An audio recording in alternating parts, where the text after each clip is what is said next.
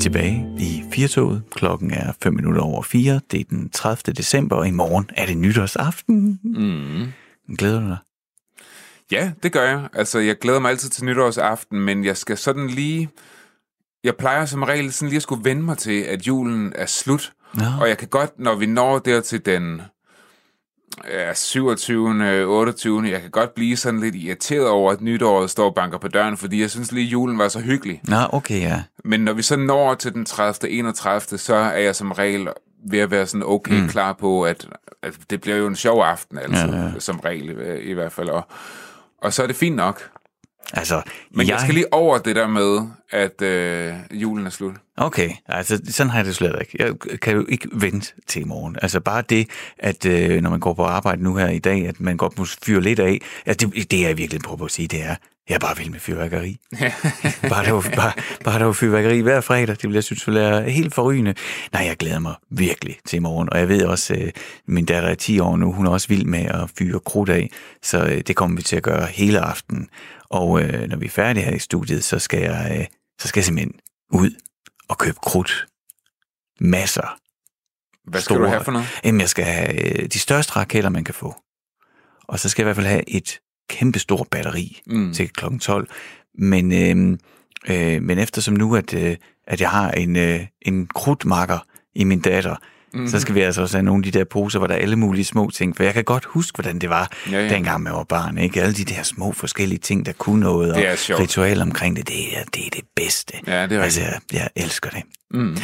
Nå, men det, det kan vi snakke mere om i morgen, når det rent faktisk er nytårsaftensdag, øh, hvor vi også taler lidt mere om fyrværkeri, men mm. øh, det må, kan I høre i morgen, hvis I hører med på øh, Firtoget. Vi er i anden time her i dag øh, i Firtoget på Radio 4, og øh, vi kigger lidt tilbage på året, der er gået, 2019. Øh, I forrige time øh, hørte vi lidt om de bedste film, som man skulle have set i 19, og øh, øh, Asger Hedegaard Bøje, han fortalte om de største sportsbegivenheder, man ikke måtte gå glip af i 2019.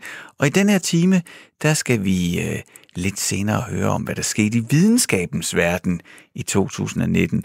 Og så får vi også nogle boganbefalinger, når vi skal høre, hvad det var, der skete i litteraturens verden.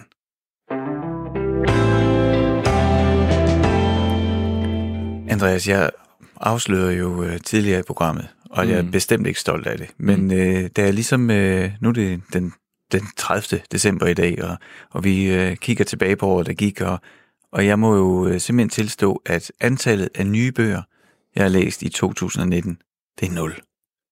Altså, og, men også gamle bøger, eller? Nej, men altså, jeg har jo sådan nogle bøger, jeg, altså, hvis jeg lige har lidt tid til at læse, eller skal falde til ro, ikke, så har jeg sådan nogle af mine yndlingsbøger, som jeg kan tage frem, og så kan jeg åbne dem øh, hvor som helst, for jeg har læst dem så mange gange, at så, Ja, ja, jeg ligesom, så er jeg inde i det med det samme. Ikke? Men der var altså en gang, hvor jeg læste bøger, hvor jeg altid havde to-tre bøger, der lå åbnet op, øh, og mm. så, øh, så kom der børn og arbejde, og, øh, og så på en eller anden måde, så, så gled det ud. Jeg, jeg, får simpelthen ikke læst så meget, som jeg egentlig gerne ville. Mm. Så øh, ikke, øh, og vi har jo sagt det flere gange, vi skal ikke have nogen nytårsfortsætter, men alligevel, i 2020, der gad jeg godt at læse nogle flere bøger. Og jeg gad også godt at blive klogere på, hvilke bøger jeg egentlig skulle have læst her i 2019.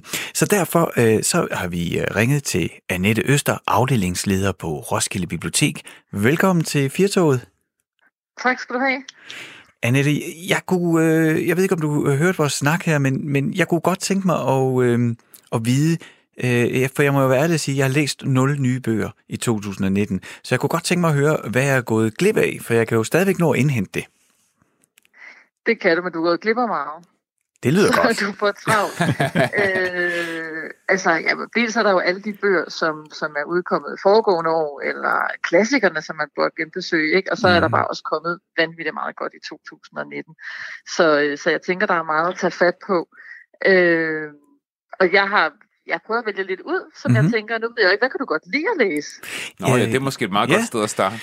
Jamen altså, Ja. ja. jeg, var, jo- jeg, var, jeg var sådan en, der lærte øh, at, at, at læse relativt tidligt. Så det startede jo selvfølgelig med øh, for mig Anders Sand og Jumbo-bøger, og så gled det over i science fiction og, øh, og eventyr.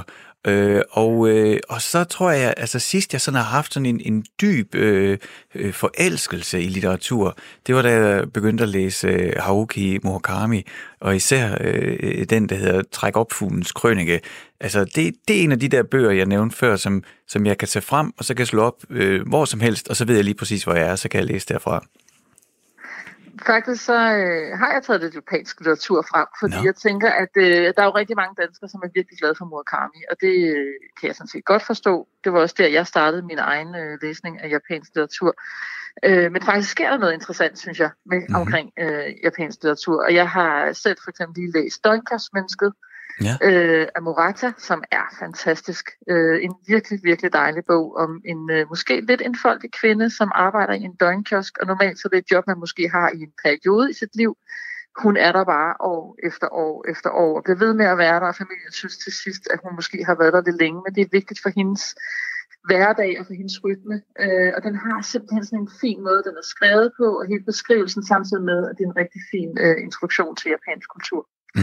Så hvis du vil prøve at udfordre dig og læse noget andet end Murakami, ja. så vil jeg sige Døgnkastmennesker. Øh, nu siger du, du godt kan lide det her sådan lidt magisk realisme, lidt fantasy. Mm.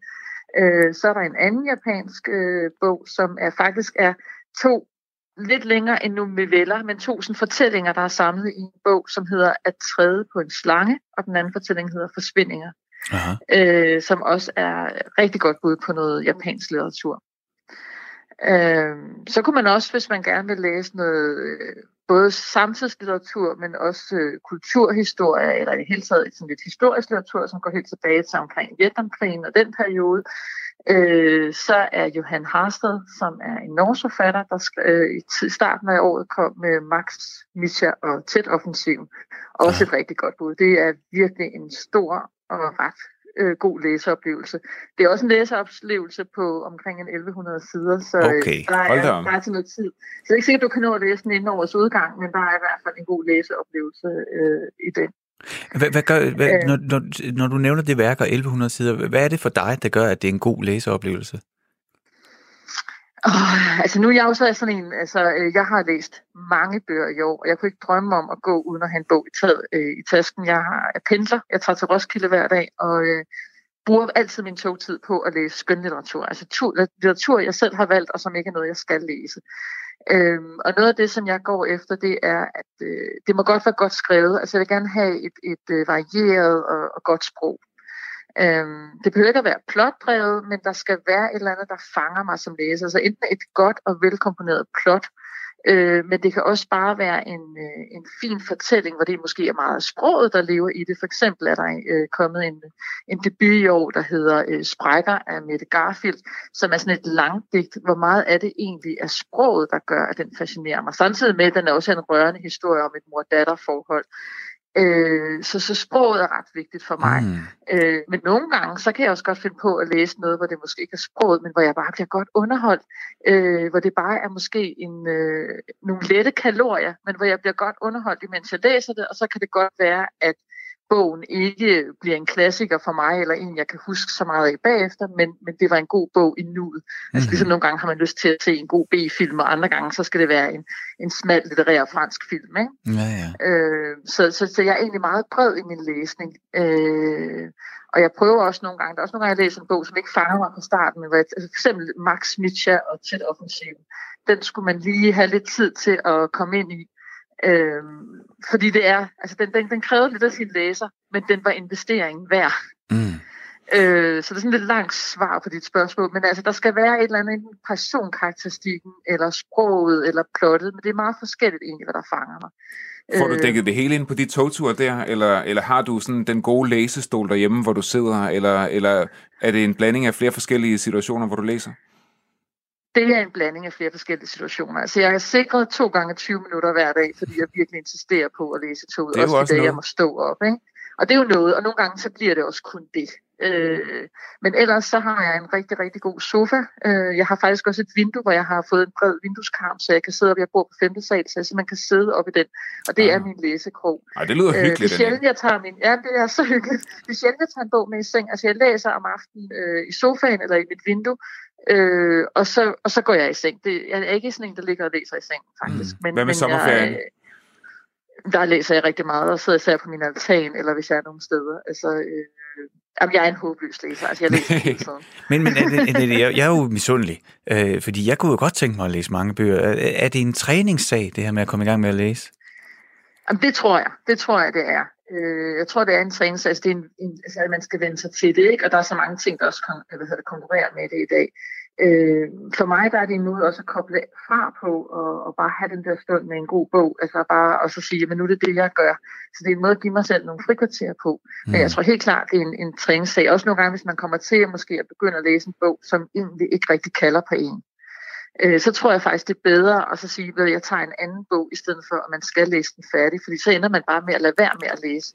Det fedeste er jo, hvis man er i gang med en bog, som kalder på en, fordi man er nødt til hele tiden at få et kapitel mere. Mm. Men er det fiffet til at komme... Altså, der er jo sikkert mange, der har det ligesom Frederik, at de ikke har læst en bog meget, meget længe, altså, og ligesom er kommet fuldstændig ud af vanen med det, og det er nemmere at tænde for Netflix eller sådan noget. Altså, hvad, hvad er fiffet ja. til at få hul på det igen? Er det ved at virkelig bare finde det, der passer 100% til en, eller hvad gør man for lige at komme i gang igen?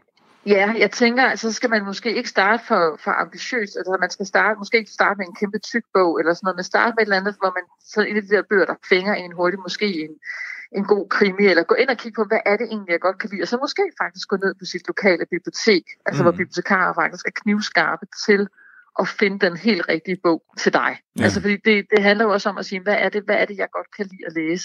Det kan godt være, at alle andre siger, at det her er en god bog, men det er egentlig ikke noget for mig. For jeg tror, det der med at finde den rigtige bog, hvor du får den der oplevelse af bare at forsvinde ind i en anden verden, øh, eller netop hele tiden lige skal have et kapitel mere. Altså lidt ligesom når man tager et ekstra afsnit på en eller anden Netflix-serie, fordi ah, jeg kan godt lige tage en til. Mm. Ikke? Og den, den oplevelse kan man jo faktisk også godt få med en bog.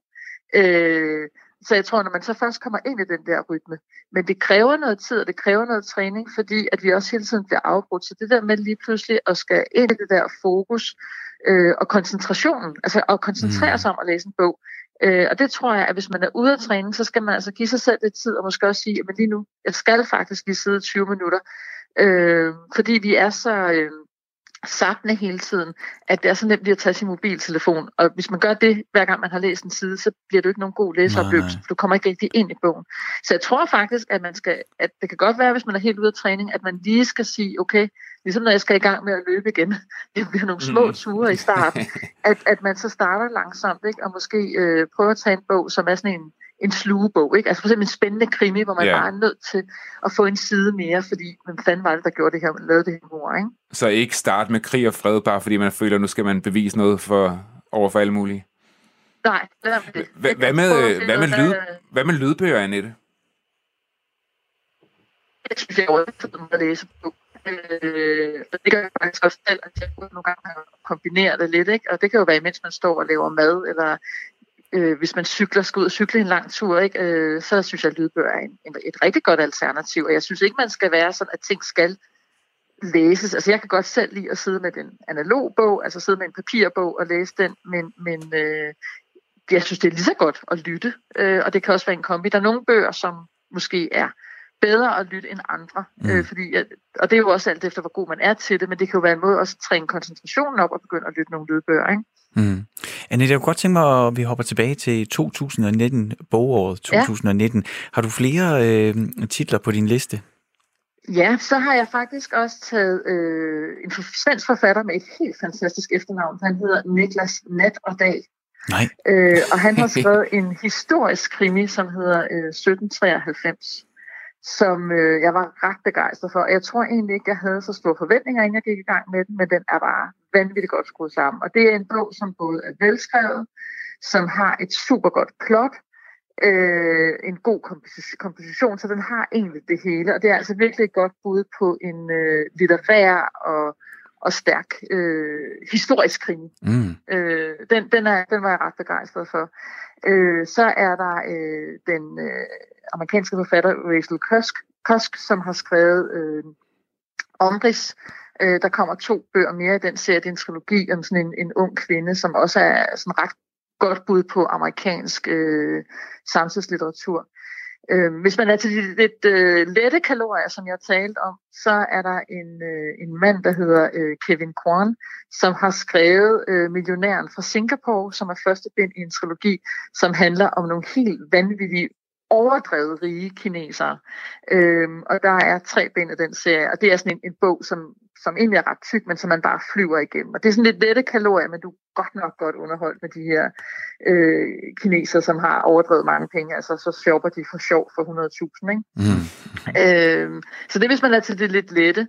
Øh, hvis man så skal, der, også, der kommer jo også meget af det her, øh, både autobiografiske øh, litteratur og sådan lidt mere. Der kunne man tage en, en svensk forfatter som Karoline Federvald, lad os håbe på det bedste, som er autofiktion. Altså, hun vælger at sige, at hun putter den ind som en roman, fordi det er hendes version af historien, men den handler simpelthen om, at hun vågner en morgen, og så er hendes øh, mand død, og de har et lille bitte barn. Øh, og så er det både om tiden efter at have mistet sin mand, men også om tiden før, altså hele deres, altså deres forhold, og hvordan det var, og hvordan det var at, at have barnet. Mm-hmm. En meget, meget stærk øh, roman om noget, jo, altså meget sorgfuldt. Mm. Øh, man kunne også hive sådan en som Christina Stoltz frem, som har skrevet Kahun, hvor hun har taget fat i en øh, historisk rigtig person, Claude Kahun, som var kunstner, øh, og så ligesom givet sin version af, hvordan hendes liv kunne have været. Så man kan sige, at det er en fiktionsfortælling, hvor hun ligesom tager fat i en person, der har levet, men giver hende sit bud på en stemme og på et, øh, et liv. Nå ja, okay. Annette, er der, er der nogle øh, øh danske bøger, som har stukket ud i 2019? Altså der er Christina Stolz der, det er en, en dansk forfatter, okay. og det er i hvert fald en af dem, som, som jeg vil fremhæve som en af mine rigtig, rigtig gode læseoplevelser i år. Øh, jeg var også meget begejstret for Lotte Kirkeby, som har skrevet De Nærmeste, som også er en meget stærk roman om at miste sine forældre, hvor faren dør, hvor moren så vælger, at hun heller ikke vil fortsætte sit liv, når faren ikke er der mere. Øh, og hele omkring familierelationer og relationer imellem søskende. Mm. Så det er også en bog, som, øh, som kommer til at stå stærkt. Og lige i øjeblikket, der er jeg ved at læse øh, Christian Bang Foss, øh, Frank vender hjem, som også er et rigtig godt bud på en øh, dansk skrevet roman fra 2019. Hvor mange bøger, Annette, vil du gætte på, at du får tykket dig igennem i løbet af sådan et år? Det lyder som om, det er en hel del. Ja, men altså, øh, hvis jeg bare tager romanerne, og ikke tager den børne- og ungdomslitteratur, jeg også læser, og mine lydbøger, så var det omkring 70 sidste år. Hold da op. Det er godt klaret. Og det, jeg tror måske også, jeg når deroppe af i år. Det er i hvert fald over 50. Og så er der alle de andre oveni. Ja. Men øh, til dem kunne jeg da godt tænke mig at snakke om, hvis, øh, hvis man nu øh, øh, har nogle gaver, man skal have byttet, og det er nede i en boghandel øh, til, øh, til ungerne. Hvad, har du nogle øh, anbefalinger til børnene? Ja, altså det, kommer, det er jo altid igen, hvad er det for et barn, og mm. hvad er målgruppen sådan noget. Altså et bud kunne jo være, det er selvfølgelig det oplagte, men øh, hvad hedder han, øh, Anders Mattesens Ternet Ninja øh, 2, mm-hmm. øh, som er sjov og skæv og ja, dejlig crazy, ikke? Øh, og Jeg læste etteren, den, den, den var skide ja, sjov. Ja, og det er toeren også. Altså, øh, det, den, den er virkelig, virkelig fin. Øh, så øh, er der også Mester Esther, som er af Katrine Assels, som er en øh, helt lidt anderledes bog for lidt yngre, eller ej, måske samme målgruppe som, øh, som Tanner Ninja, men øh, sådan en lidt mere smal litterær bog, men også en rigtig, rigtig fin og, og, og dejlig historie. Øh, ja, så, så vil jeg tage en tegnserie frem, som måske egentlig ikke helt er for, for børn, men måske for unge og voksne, som hedder øh, Du er her ikke, som er skrevet Mette Bystrup, mm-hmm. og som netop bliver udkommet, og som er en, en kærlighedserklæring til hendes tvilling, øh, men som jeg tænker er en rigtig fin historie, ikke kun for os, der er tvillinger, men også øh, hvis man har en anden søskende, eller en kær ven eller veninde, som man holder af, og som man har prøvet at skulle undvære, fordi man lige pludselig bor hver sit sted i landet, eller i hver sit land øh, som er et rigtig fint bud på, øh, på en, en grafisk fortælling. Annette, øh, vi skal til at runde af, øh, men inden vi gør det, vi har jo talt om 2019. Øh, hvis du nu skulle tilbringe resten af livet alene på en øde ø, og du må tage tre bøger med, så nu er det ikke bare ja. 19, men du må tage tre bøger med i rygsækken. Hvad skulle det ja. så være? Det skulle i hvert fald helt sikkert være Veståses øh, Fuglen. Det er en bog fra 1957, som blev genudgivet og nyoversat i, øh, i 2017. Øh, og der er lige kommet en ny, øh, ny oversættelse af hans øh, Islotte, som var fra 68. Men altså, fuglene er noget af det smukkeste, jeg nogensinde har læst. Mm. Og den har ikke noget at gøre med Hitchcocks Nej, Fuglene. nej, den er slet ikke uhyggelig, men den er meget fin, og den foregår på en, øh, øh, en ø i Norge. Øh, så det skulle være den ene. Mm-hmm. Og den anden, den skulle være øh, Pinsvinets elegance. Og der må jeg simpelthen bekende, jeg kan simpelthen ikke huske, hvad forfatteren hedder, men Nej. også en ret skøn roman. Og hvad skulle den sidste så være? Altså, det er jo resten af livet, du skal læse de her svært. tre bøger. Der er ikke andre. Det er resten af livet, du kun må læse de her tre bøger, så det er jo det er, det er et hårdt valg. Jeg ville vælge Det er noget meget tykt. hårdt valg, ikke? Øh, og så vil jeg sige, så burde jeg jo slet ikke vælge nogen, som ikke var så lange, fordi så er der jo ikke tid nok. jeg tænker også altid, når man ser det der alene i ødemarken, jeg tænker, jeg vil bare tage en kæmpe tyk bog med, hvis ja. Jeg skulle være der, så ville jeg da ikke blive helt vanvittig. Mm. Øh, Eller en velsmagende bog, hvis det kom til det. Ja, det, det. Og det kan være, at papirsmerte er ikke ens uanset næsten. Jo, det gør det nok. Øh, jamen, jeg tror måske faktisk, at så skulle den sidste bog, øh, så tror jeg måske alligevel, jeg vil tage Brødrene Løvehjerte med. Nå, er det er også- fint. Ja, Det er også en fordi smuk det er bog. så smuk og fin en bog, øh, så jeg tænker også, fordi børnelitteraturen egentlig også ligger mig meget på sinde, Mm. så, øh, så vil det være fint at tage den med os. Annette Øster, du er leder af Roskilde Bibliotek. Øh, en afdeling på Roskilde Bibliotek. En afdeling på Roskilde, så fik jeg det præciseret. Tusind tak, fordi at øh, du ville være med i øh, Firtoget og øh, tog os ind i litteraturens verden og fortalte om de bøger, som jeg i hvert fald er gået glip af i 2019. Jamen selv tak, fordi I ringede, og rigtig god læselyst. Jo, tak. Og godt God nytår. Ja, ja, og god læselyst. Tak. Tak. Bliver du klogere, Frederik? Jeg blev ikke klogere, jeg blev så nærmest mere frustreret. Altså, jeg blev inspireret, men også lidt frustreret, fordi at, øh, at jeg vil virkelig gerne læse. Ja. Men jeg, ja, Jamen, jeg, jeg synes, det var et godt fif, og det tror jeg måske godt, du ville kunne bruge. Mm. Det der med, at jamen, hvis man skal i gang, i, i gang igen efter sådan et dry spell, hvor man ikke har læst noget som helst, så simpelthen vælge det, som... Så, hvis man skal i gang igen, så skal man vælge med, hvad skal man sige, appetitten. Man skal ikke vælge med hovedet. Altså, man skal kaste sig ud i det, som, som måske ikke er det, man er absolut praler mest med. Hey, jeg har læst den. Ja. Men det, som man kan mærke, at det vil, det vil være fedt. sådan en med. øh, Dr. Frank lægeroman. Hvis det er det, ja. Altså, jeg, jeg, jeg havde en periode, hvor når jeg var på ferie med min kæreste, så læste jeg lægeromaner højt for på turen. Det var meget, meget hyggeligt. Det er jo også læsetræning. Det er jo også læsetræning. Men for eksempel mig, altså, jeg, som barn var jeg altid meget glad for Dennis Jørgensen Mm, samme her. og hans børnebøger. Og han skriver jo øh, voksenkrimier for tiden. Ja, okay. Øhm, og det er, nogen, det, det er meget let for mig at få pløjet mig igennem dem. Jeg kan nærmest ikke lægge dem frem igen. Mm. Det er lidt, lidt, lidt, som hun sagde, det er lidt af en Netflix-serie, hvor åh, jeg skal lige have et afsnit mere, Ja, jeg skal lige have okay. et kapitel mere. Så det med at starte med sådan noget, det, Ja. det kan jeg i hvert fald anbefale. Noget, jeg, jeg tænker på, øh, som jo måske egentlig også gør, at jeg ikke læser så meget, det er, at, øh, og, Annette, øh, og nu har du også nævnt det igen, det er det her med at se Netflix, eller se tv-serier, eller se film. Det er jo, kan man jo gøre med sin kæreste. Altså, man kan jo ligge i sengen mm. og åbne laptopen, og så kan man se det sammen. Men man kan ikke rigtig læse sammen. Det kan man jo egentlig godt. Nå? Altså, der er jo egentlig... Jeg forstår godt, hvad du mener, men der er der jo faktisk to måder, man godt kan. Uh-huh. Og den ene er jo, som jeg sagde, at læse højt for hinanden. Ja, okay. Og det er faktisk ret hyggeligt. okay. Og det kan jeg faktisk godt anbefale. Vi ja. Har gjort det derhjemme som Ja. godnatlæsning i nogle perioder. Ja, ja. Men en anden måde er jo lydbøger. Åh, oh, den kan man så selvfølgelig sætte på og lytte Man kan sammen. jo godt, hvis man sidder i bilen og skal på en længere Ja. tur eller et eller andet, man kan sagtens lytte til en lydbog Det synes, sammen. jeg, et, øh, det synes jeg er et rigtig godt tip, Andreas. Mm. Et rigtig godt bogtip. Jeg håber i hvert fald, at øh, 2020 bliver året, hvor øh, jeg bliver lidt skarpere til at læse. Andreas, det er den øh, 30. december. Mm. I morgen skal vi fejre øh, nytårsaften. Det glæder Ja. jeg mig meget til. Også mig. Og det er jo bare en rigtig god anledning til at kigge tilbage på det år, der er gået. Det ville være mærkeligt at gøre det i marts for eksempel. Vi har øh, snakket lidt om øh, film. Ja. og øh, bøger, og marts måned, ja, det, det, det tog mig lidt tid før jeg lige, men jeg godt, jo, ja, at man burde måske gøre det hele tiden. Nej, det ved jeg ikke. Lad det ligge. Jeg synes, det er fint at gøre nu. Men en anden ting jo, det er jo også, det er jo videnskabens verden. Ja. Og her på Radio 4 har vi vores eget videnskabsprogram. Mm. som hedder Kranjebrud. Og øh, en af værterne for Kranjebrud, tør jeg godt sige, er jo en af vores gamle kolleger, fordi at øh, han har lavet børnetv, dengang vi også lavede børnetv. Det laver vi sådan set også stadigvæk, når vi ikke laver øh, vikar, øh, når vi ikke er vikar i radioen. Men øh, Emil Nielsen, kendt som stornørd, nu voksenvært i Kranjebrud. Velkommen til Firtoget, Emil.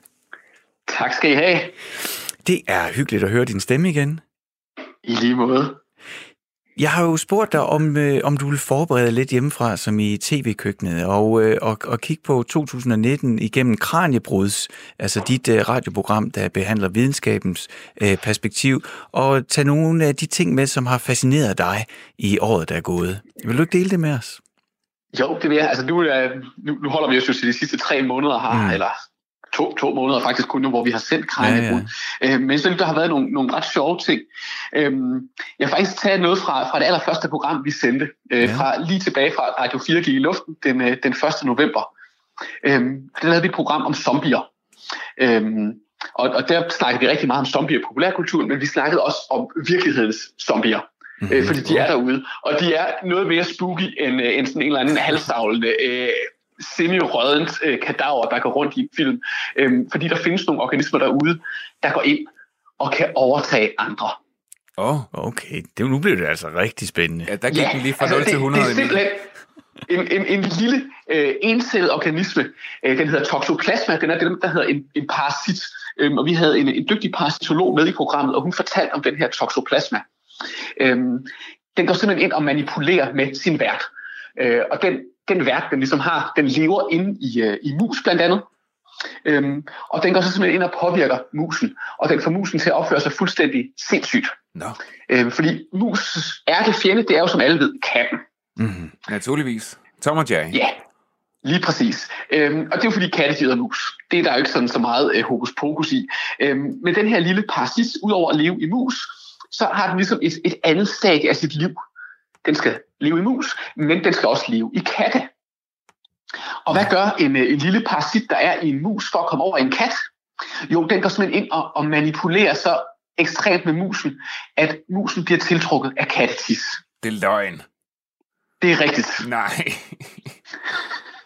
Det er simpelthen så skummelt, så den der lille bitte encellede organisme, der lever, altså den er jo mikroskopisk en celle, den, den, man kan ikke se den men den kan gå ind og påvirke musens hjerne, så den bliver tiltrukket af kattetis. Og det gør jo så, at en, en mus, der bliver tiltrukket af kattetis, ender sjovt nok et sted, hvor der er ja, katte, og så bliver det et. Det, det lyder jo som plottet fra en film, eller hvor man ville sige, okay, den film, den er for langt ude. Det, det er for mærkeligt ja, fundet på det der. Jo, og, og du sagde zombie, men det lyder jo nærmest også lidt som altså sådan en ånd, der går ind og besætter, eller sådan et eller andet. Ja, altså det er sådan den der lille alien, der kravler ind i hovedet, ja. og bare overtager kroppen fuldstændig. Ej, øhm, det og, og der, hvor det bliver en lille smule spooky, det er den her parasit, øh, der lever i kattene, den ender også i mennesker. Okay. Vi spiser jo ikke katte. Nej, men vi rører kattetis, hvis man er en af dem, der har katte derhjemme. Så kommer ah. der øh, fra kattetis og ekskrementer og sådan noget. Der, det er som, når de skal tilbage til musen igen, så gør de det via komme ud af, af, af kattens bagende. Ah. Øhm, og det ender jo så også nogle gange i mennesker. Øh, og den kan faktisk være ret farlig, hvis man er gravid, for eksempel. Det, det er noget skidt. Øh, så gravid og kattebakker, det, det er generelt noget skidt. Øh, men hvad den gør vi os andre? Er der nogen af jer, der har kat for øvrigt? Nej, heldigvis ikke lige nu, vil jeg sige. Jeg kan ikke tåle kat. og det er godt for jer. Jeg har heller ikke kat. Jeg tror også, jeg, altså, det havde jeg godt, det var barn. Måske har jeg også den her toxoplasma i mig. Øhm, og det vilde er, at der er ikke rigtig nogen, der ved, hvad den gør ved os. Man har selvfølgelig lavet ret mange spekulationer, fordi når den kan påvirke musen til at blive interesseret i kattetis, og for øvrigt ikke være bange for de ting, den plejer at være, altså være bange for katte, ja, hvad kan den så gøre ved et menneske? Nå, no, ja. så den får dig til det kan man jo. At, den får dig til at lægge dig sådan i en, en bjørns madskål og vente på at blive spist, eller? Altså, der, man, man har spekuleret en masse i det, øhm, og som vores gode parasitolog Eline sagde, så er det også noget, der er blevet forsket i, men, men der er altså ikke nogen sådan beviser for, at, at den her toxoplasma-parasit påvirker os mennesker. Mm. Øhm, så, så det er ikke noget, man ved, at den gør. Men i og med, at den kan påvirke mus så kraftigt, så kunne man jo godt risikere, at den også kunne påvirke mennesker. Og der er nogle forskellige studier, hvor der, der, der, gør, at der viser, at der måske er en sammenhæng, men der er ikke noget, der er bevist. Men man skal måske overveje, hvor fedt det er at have kat. Kunne man, mig, der er øh, hundemenneske. kan, kunne man, øh, kan man produktudvikle på sådan en parasit, øh, hvis man nu øh, ejer et øh, globalt verdensomspændende øh, co- cola-selskab, og så lave en cola-parasit, som er alle sammen Ja. søger mod de røde flasker med det brune indhold? Ja, eller hvis man nu var en, en skummel stat, der gerne ville skabe ustabilitet i verden, og så fy- fyldte sådan noget ind i hovedet på statsledere, eller sådan et eller andet skummel, så de blev holdt op med at være bange for, for at tage risiko. Øhm, Men er der- de er der blev mere nogen- risikovillige, ligesom musen. Jamen, er der nogle teorier om... Altså, nu, der er ikke nogen, der ved, hvad den gør ved mennesker, men er der nogle teorier om, hvad den gør ved mennesker? Altså, er det sådan noget med mere risikovillighed, eller dødsforagt, eller sådan det- et eller andet? Det, det er en af de ting, som man måske har kunne se. Der er ikke noget, altså der er på ingen måde noget fast i det. Mm. Det er noget, det man har undersøgt, og der er måske nogle tegn. Altså med, med videnskab er jo altså noget, der tager rigtig lang tid, og, og det er jo bare en enormt svær ting at studere, fordi det kræver en masse viden om menneskers adfærd. Det kræver rigtig mange, og det kræver måske, altså det er ikke sikkert, at den der parasit lige opfører sig på samme måde i alle mennesker og sådan noget. Så der, der, der er virkelig mange forskellige parametre, der gør, at det er utrolig svært at finde ud af, og der er ikke noget, der er definitivt bevist. Jeg ville bare synes, jeg synes bare, det var interessant, for jeg, jeg bryder mig ikke så meget om katte. Jeg er meget mere et hundemenneske, og derfor synes jeg, det er en ret sjov historie, hvis der er noget om det. Og det er altså noget, at man er begyndt at kigge lidt på i 2019. Det, er- det har man kigget på, på længe. Jeg synes bare, det var en enormt fed historie at få med. Altså, vi, vi laver også ikke kun i, øhm, i forskningsnyheder i, i Kranjebrud. Vi kigger på rigtig gode historier fra forskningsverdenen og, og bliver sådan generelt klogere på mange forskellige ting. Øhm, Sikke en jeg har historie. også øh, lært, lært noget ret vildt om, øh, om myrer. Den kan jeg lige hurtigt nå, måske også. Ja, vi Og jeg har en en kaniner. En kaniner, der også er ret fed. Altså Emil, vi skal have det hele, fordi når du starter med at tale om zombier og øh, parasitter og katte, øh, vi skal have Jeg, det har- jeg har hele. to mere. Ja, men vi vil have begge to, og de skal være med alle de detaljer, du kan finde på, for det her, Emil, det er godt. Fedt. Jamen, øh, vi har snakket med en, øh, en myreekspert også. Øhm, og så tænker man måske, myren, det er det her lille bitte, sikkert relativt dumme dyr. Altså, den er meget lille. Den har en meget, meget lille hjerne. Så myren kan jo på ingen måde være hverken interessant eller spændende eller øh, fascinerende for den sags skyld. Men det er det. Øhm, så myrer har simpelthen det vildeste liv. De har jo sådan en, en afsindig specialisering af opgaver. Mm. Øhm, hvis vi nu lige starter med sådan, hvad- de, de kan simpelthen dele sig op. Mange ved måske, at der er noget, der hedder altså en arbejdermyre, og der er nogen, der er soldatermyre og sådan noget. Så der, der, er, der er simpelthen nogle typer myrer, der er der enormt forskel. Så er der nogle myrer, der bliver kæmpe store og buff og får nogle afsindigt store kæber, så de kan være soldater og slås med de andre. Mm. Det er sådan meget øh, fredeligt. Øhm, så kommer der også den her med, at der er, der er simpelthen nogle myrer, der har taget den endnu længere.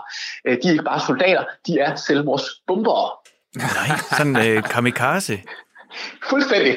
Skørt. Øh, de har simpelthen nogle kirtler inde i sig, som gør, at de blander nogle, nogle af de, nogle, altså nogle, nogle stoffer, som de selv producerer. Dem blander de så inde i sig, og så eksploderer de. Nej, No shit, det gør de. Vildt. Øh, og på den måde, så skyder de så sådan noget klistrende, ætsende masse ud over myrer, der for eksempel vil angribe dem. Og så dør selvfølgelig den myre selv, øh, men den slår så måske også nogle fjender ihjel, der var større end den selv. så Så den, det er en ægte selvmordsbomber. Den Den går ud og slår sig, fjenden ihjel. Ja. og, og offrer sig for fællesskabet. Ja, den synes jeg er fed. Øhm, der er simpelthen også nogle myrer, der har udviklet en, en, en, en altså nogle, øh, en- nogle arter eller dele af sig, af dem i den tue, som, som simpelthen kan fungere som dørstopper. Øhm, den har, de får en, øh, en, en del af myrerne i den her tue, de får simpelthen et hoved, der er enormt stort, og som passer lige præcis i myretuens hul. Nej. Så den myre, den har til opgave at sætte sig og blokere hullet Nej, i myretuen, hvis der bliver øh, oversvømmelse, eller der er andre myrer, der angriber dem. nej, sikkert et frygteligt Ej, job at få. Den er dørprop, simpelthen. Den er dørprop. Og den får Øhm. et kæmpestort hoved sammenlignet med de andre myrer. Ja, så er der jo også, altså I, I kender jo helt sikkert øh, de her sådan, tegneserier med den dogne myre. I ved, den der myre, som, øh, som, som ligesom ikke vil være en del af alt det her myreflittige arbejde mm-hmm. i Mhm. tuen, og som bare sætter sig over i et hjørne og, og, og keder sig. Ja. Men den myre, den eksisterer faktisk. Nå, Slækker Men myrer. den har, den har en helt pointe. Det er meningen med den. Der findes myrer, der, der ikke laver andet end at sidde inde i tuen og bare æde virkelig meget mad. De sidder derinde, og de smelter fede. Øhm, Hvorfor? Eller, de har i hvert fald virkelig meget mad i maven. Jo, fordi de fungerer ligesom dine fedtceller. Nå. Den dag, der så ikke er så meget mad til myretun, så kan de gylpe noget af deres mad op Nej. igen til de andre. Nej, hvor er det skørt. Så Er det sidder, fedt? så sidder de bare og danner levende forrådskammer. Ja, De sidder bare stille inde i tuen. Og bare æder. Og så håber de på, at der ikke bliver madmangel, sådan, så de selv kan få lov at beholde det. Lige præcis. Nej, hvor er det skørt. Ja, og, og grunden til, at, at de her myrer kan specialisere sig så vildt, det er jo fordi, at øhm, en myretue, det består jo af virkelig mange myrer, og så en dronning, typisk en dronning, og dronningen er den eneste, der lægger æg. Ja. Så dronningen er den eneste, der får afkom. Ja, det er klart. Øhm, og det virker jo meget sært i sådan en, en biologisk verden, hvor alt handler om at føre sine gener videre. Men Altså, de er alle sammen brødre og søstre i myretuen. ja, de, de er alle sammen søstre. Øh, alle dem, der er i en myretue, det er pigerne. Nå. Øh, drengene, de har kun en opgave, det er, at de bliver øh, voksne, og så flyver de ud, og så ser de, om de kan finde en, øh, en, en ny dronning, og så parer hende, og så dør de bagefter. Og det vil sige, det er meget få, det lykkes for, så. Det, det er meget få, ja. Øhm, men, men, og det er, så- det er ligesom det, der er grunden til, at, at det fungerer på den måde. Hvis man er en arbejdermyre, Ja. en hundmyre, så, så er man faktisk steril. Man kan ikke få afkom selv. Nå. Så den eneste måde at sprede ens gener, det er ved at hjælpe ens mor, dronningen, til at få flere unger. Ah, så på den måde, så bliver man en, del af, af en enhed. Ja, og, og faktisk så skal man ikke opfatte en myre som et, øh, et, et enkelt individ. Ah. I virkeligheden så er det faktisk myretuen. Det giver meget mere mening, hvis man ser på det som, at det er myretuen, der er en Ja. organisme, Okay. der har alle mulige forskellige celler. Men har Nogle er arbejdere, nogle er soldater, nogle er fedtceller. Ja. Er En, altså, ja, en er så ligesom, øh, hvad hedder det, livmoren og, øh, og æggelederen, der, der ligesom ja, producerer en masse nye unger. Og en af døren. Ja, en af døren. øhm, så Men- så men- en myrerne, de er faktisk en organisme, der har fundet ud af at få deres celler til at flytte sig i forhold til hinanden. Det. Det synes jeg er ret cool. Men Emil, og så har, jo- har hundmyrerne ingen mulighed for selv at blive til en dronning? Nej, der er kun no, nogle få af dem. Øhm, i, når, der ligesom, når dronningen lægger æg, så langt de fleste bliver til nye arbejdermyrer, eller soldater, eller dørstopper, eller selvmordsbomber, eller hvad de nu har af forskellige opgaver. Nogle få af dem bliver plejet på en måde, sådan, så de bliver til nye dronninger. Aha. Og nogle få bliver til hanner. Når de her dronninger, nye dronninger og hanner ligesom er blevet store nok, så flyver de ud. I har måske set flyvemyrer, sådan de her ja. sorte havemyrer. Så nogle gange så er der flyvemyrer. Det er simpelthen kommende dronninger, der flyver ud Nå. og finder nogle hanner og parer sig. Hannerne dør, og så starter, prøver dronningen at starte et, øh, et nyt bo. Okay. Øhm, Nå, og der, der er alle mulige flere vilde historier, man kan få den her. Altså blandt andet så dyrker, øhm, altså myrerne er jo det eneste alle dyr, udover os, der holder husdyr. Okay. De holder simpelthen, de, de holder lus, ligesom vi holder køer. Nå. De Hvorfor gør de malker det? lusene for, fordi de malker dem for sukkervand. Øh, og, hvis, og, og hvis de så har for meget sukkervand, så æder de dem som bøffer. Nej. Nej, hvor er det vildt.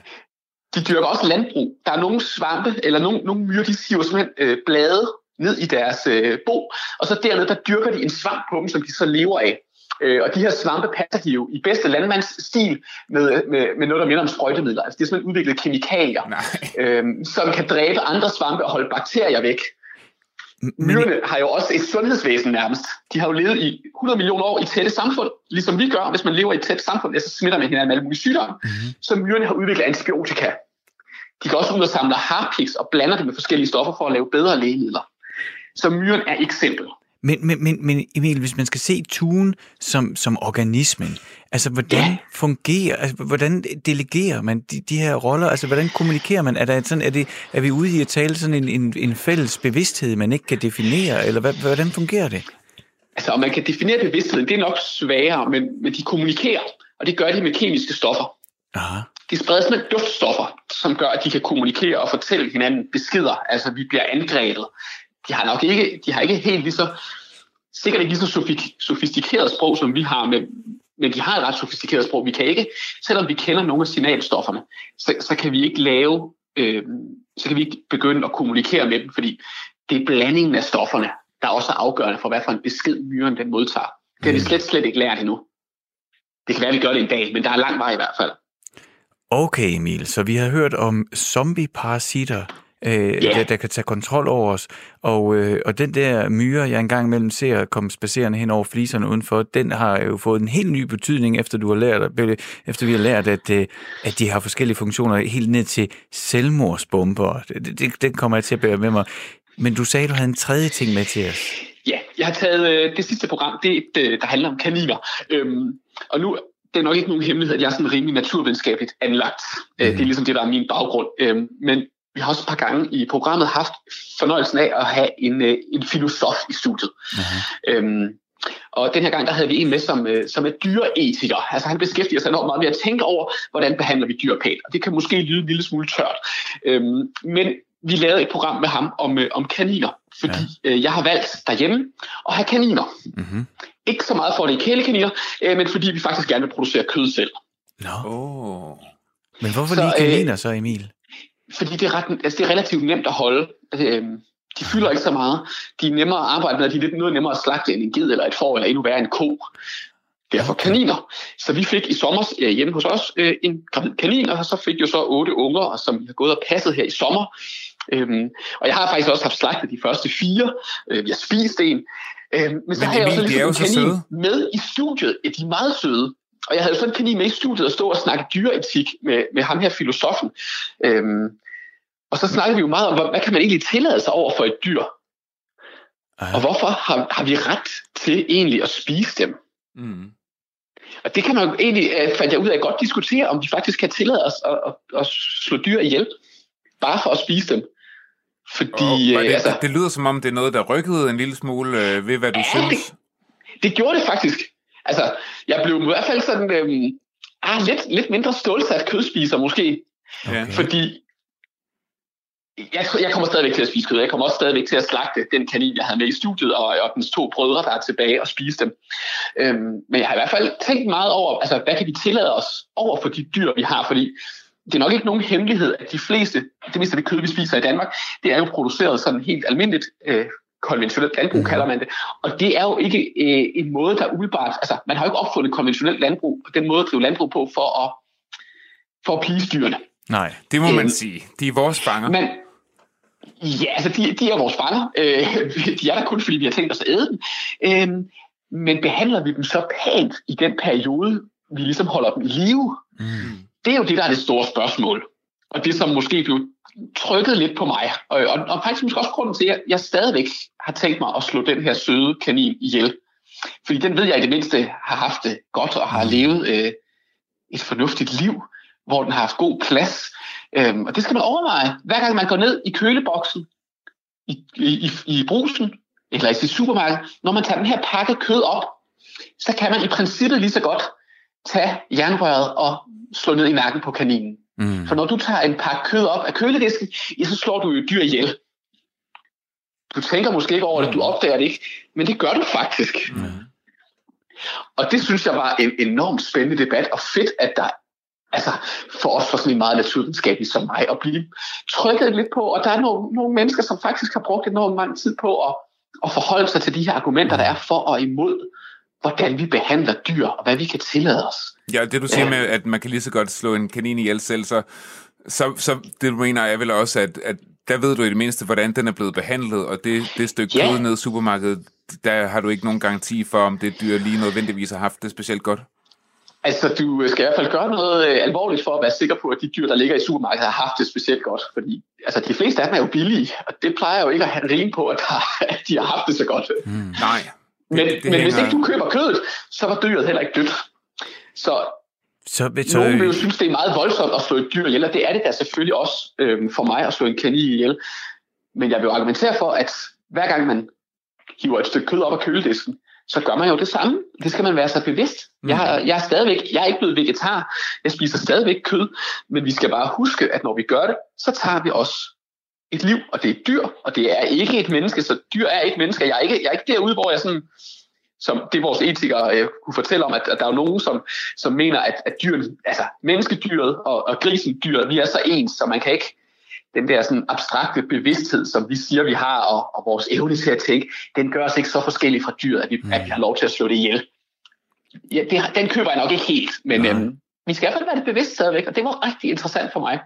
Så, øh, så Emil, 2019, øh, øh, det var simpelthen året, hvor, hvor du flyttede dig bevidsthedsmæssigt i forhold til dit kødindtag.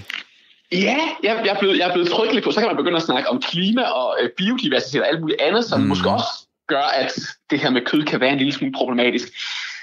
Ja, jeg er nok blevet trykket lidt på, som, øh, som altså fra landet, og jeg har arbejdet i en svinstal fra jeg var 10 eller sådan noget, så begynder der at blive skubbet lidt til.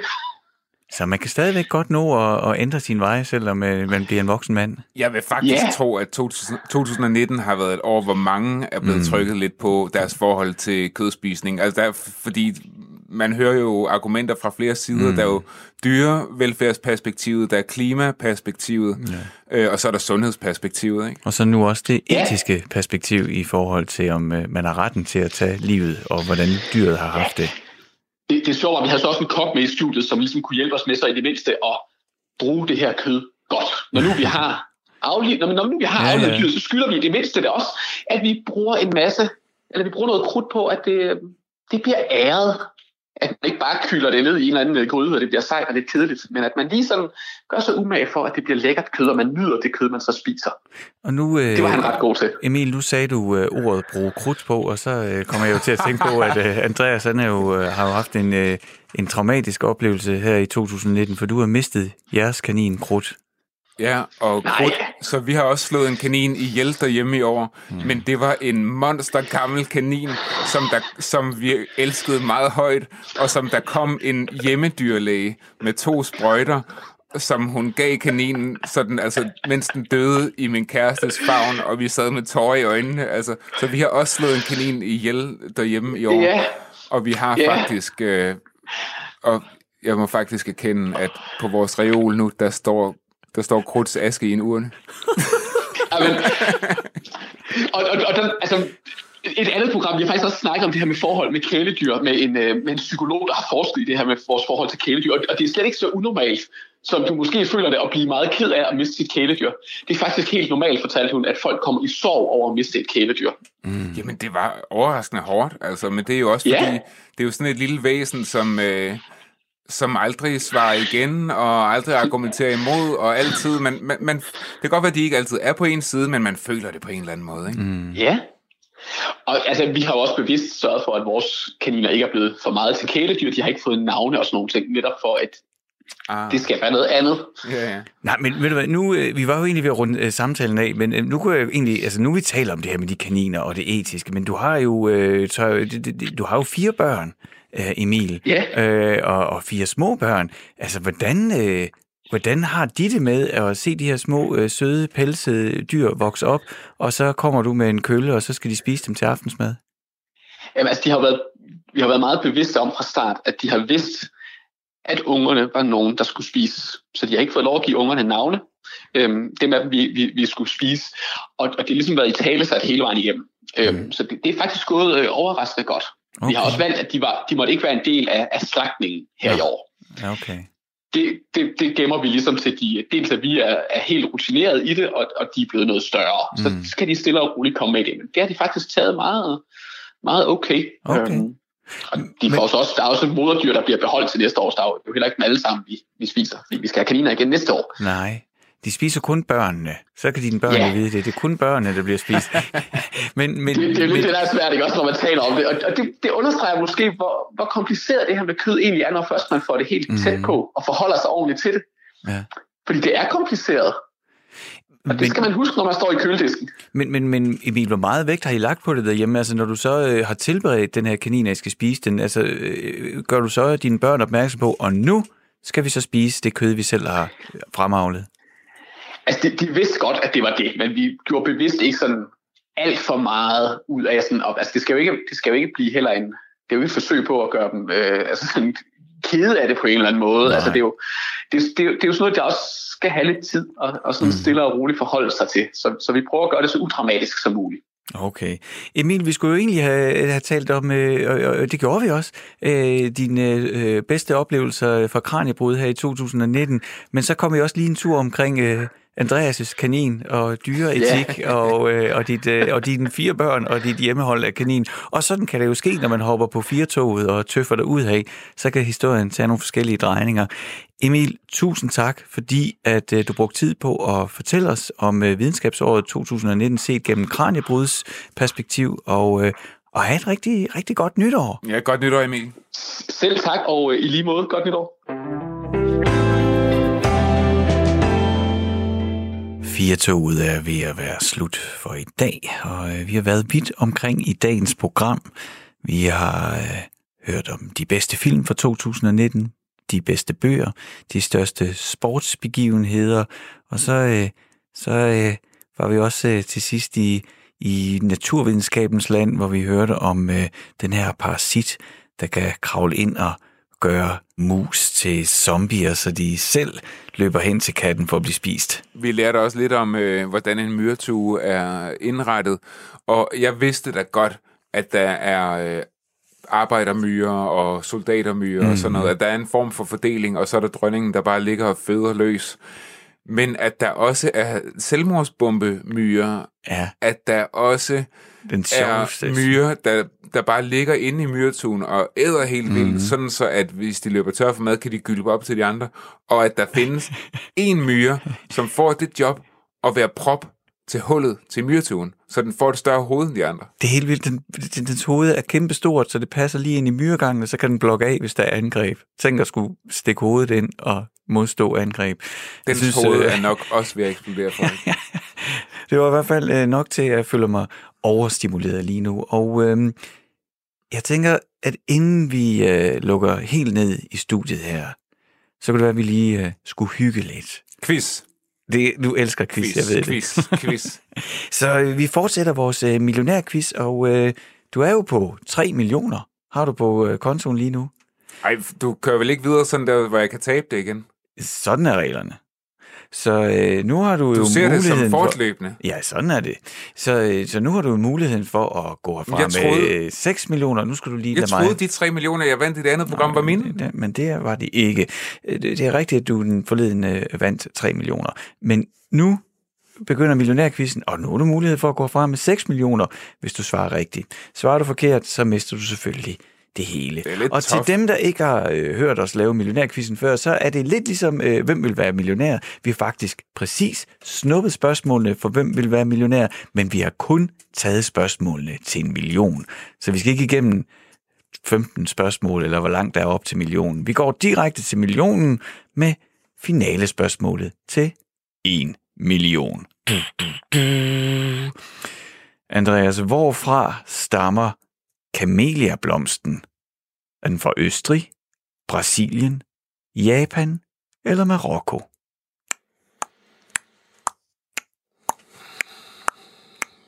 Jeg gætter på Marokko. Det var ærgerligt. Den var fra. Japan. Åh, det lyder da ikke særlig japansk. Nej, men det gjorde den. Det var altså kameliablomsten, den er fra Japan, så du mistede alle dine millioner, men du har stadigvæk muligheden for at vinde to mere. Mm. Så lad os prøve næste finale spørgsmål til en million. Hvilken jazzmusiker skrev titelsangen til tv-serien Pippi Langstrømpe? Var det Alice Babs? Var det Tuts Thielemann? Var det Jan Johansson? Eller var det Cornelis Vreeswijk?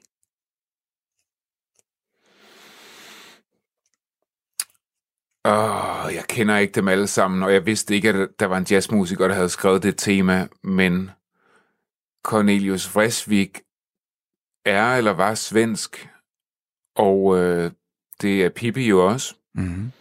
og jeg tror, det er nogenlunde samme periode, mm-hmm. så det vil være mit gæt, Cornelius okay. Vreeswijk. Yep. Det er forkert. Ah, Det var en anden svensk jazz øh, pianist, Jan Johansson. Mm. Mm-hmm. Blim, bidim, bum, dum, bum, dum.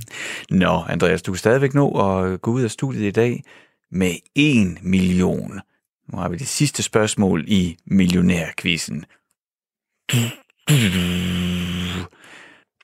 Hvad er det franske ord for en smørbolle med mel, der bruges til jævning? Åh oh, min gud, nu bliver det... øh, Jeg kan ikke udtale nogen af de her ord. lad os høre. Okay. Uh, sobi, fumé, garbure eller rond? Åh, det har jeg simpelthen ingen anelse om. Jeg vidste det faktisk godt. Du vidste det. Mm-hmm. Det er jo let at sige, når jeg ser det, og så sige det bagefter, men uh, ja. Hvad er det franske Med- ord det er, der for noget, det er en... noget med at ryge. Mm, det mener jeg også, ja. Jo, jeg vil ikke sige noget. Jeg, Altså jeg, en smørbolle med mel, der bruges til jævning. jamen, jeg synes, jeg kan udelukke den der fumé, fordi det er noget med at ryge. Mm-hmm. Men de andre siger mig ingenting. Jeg tager nummer 4. Ro, Ja.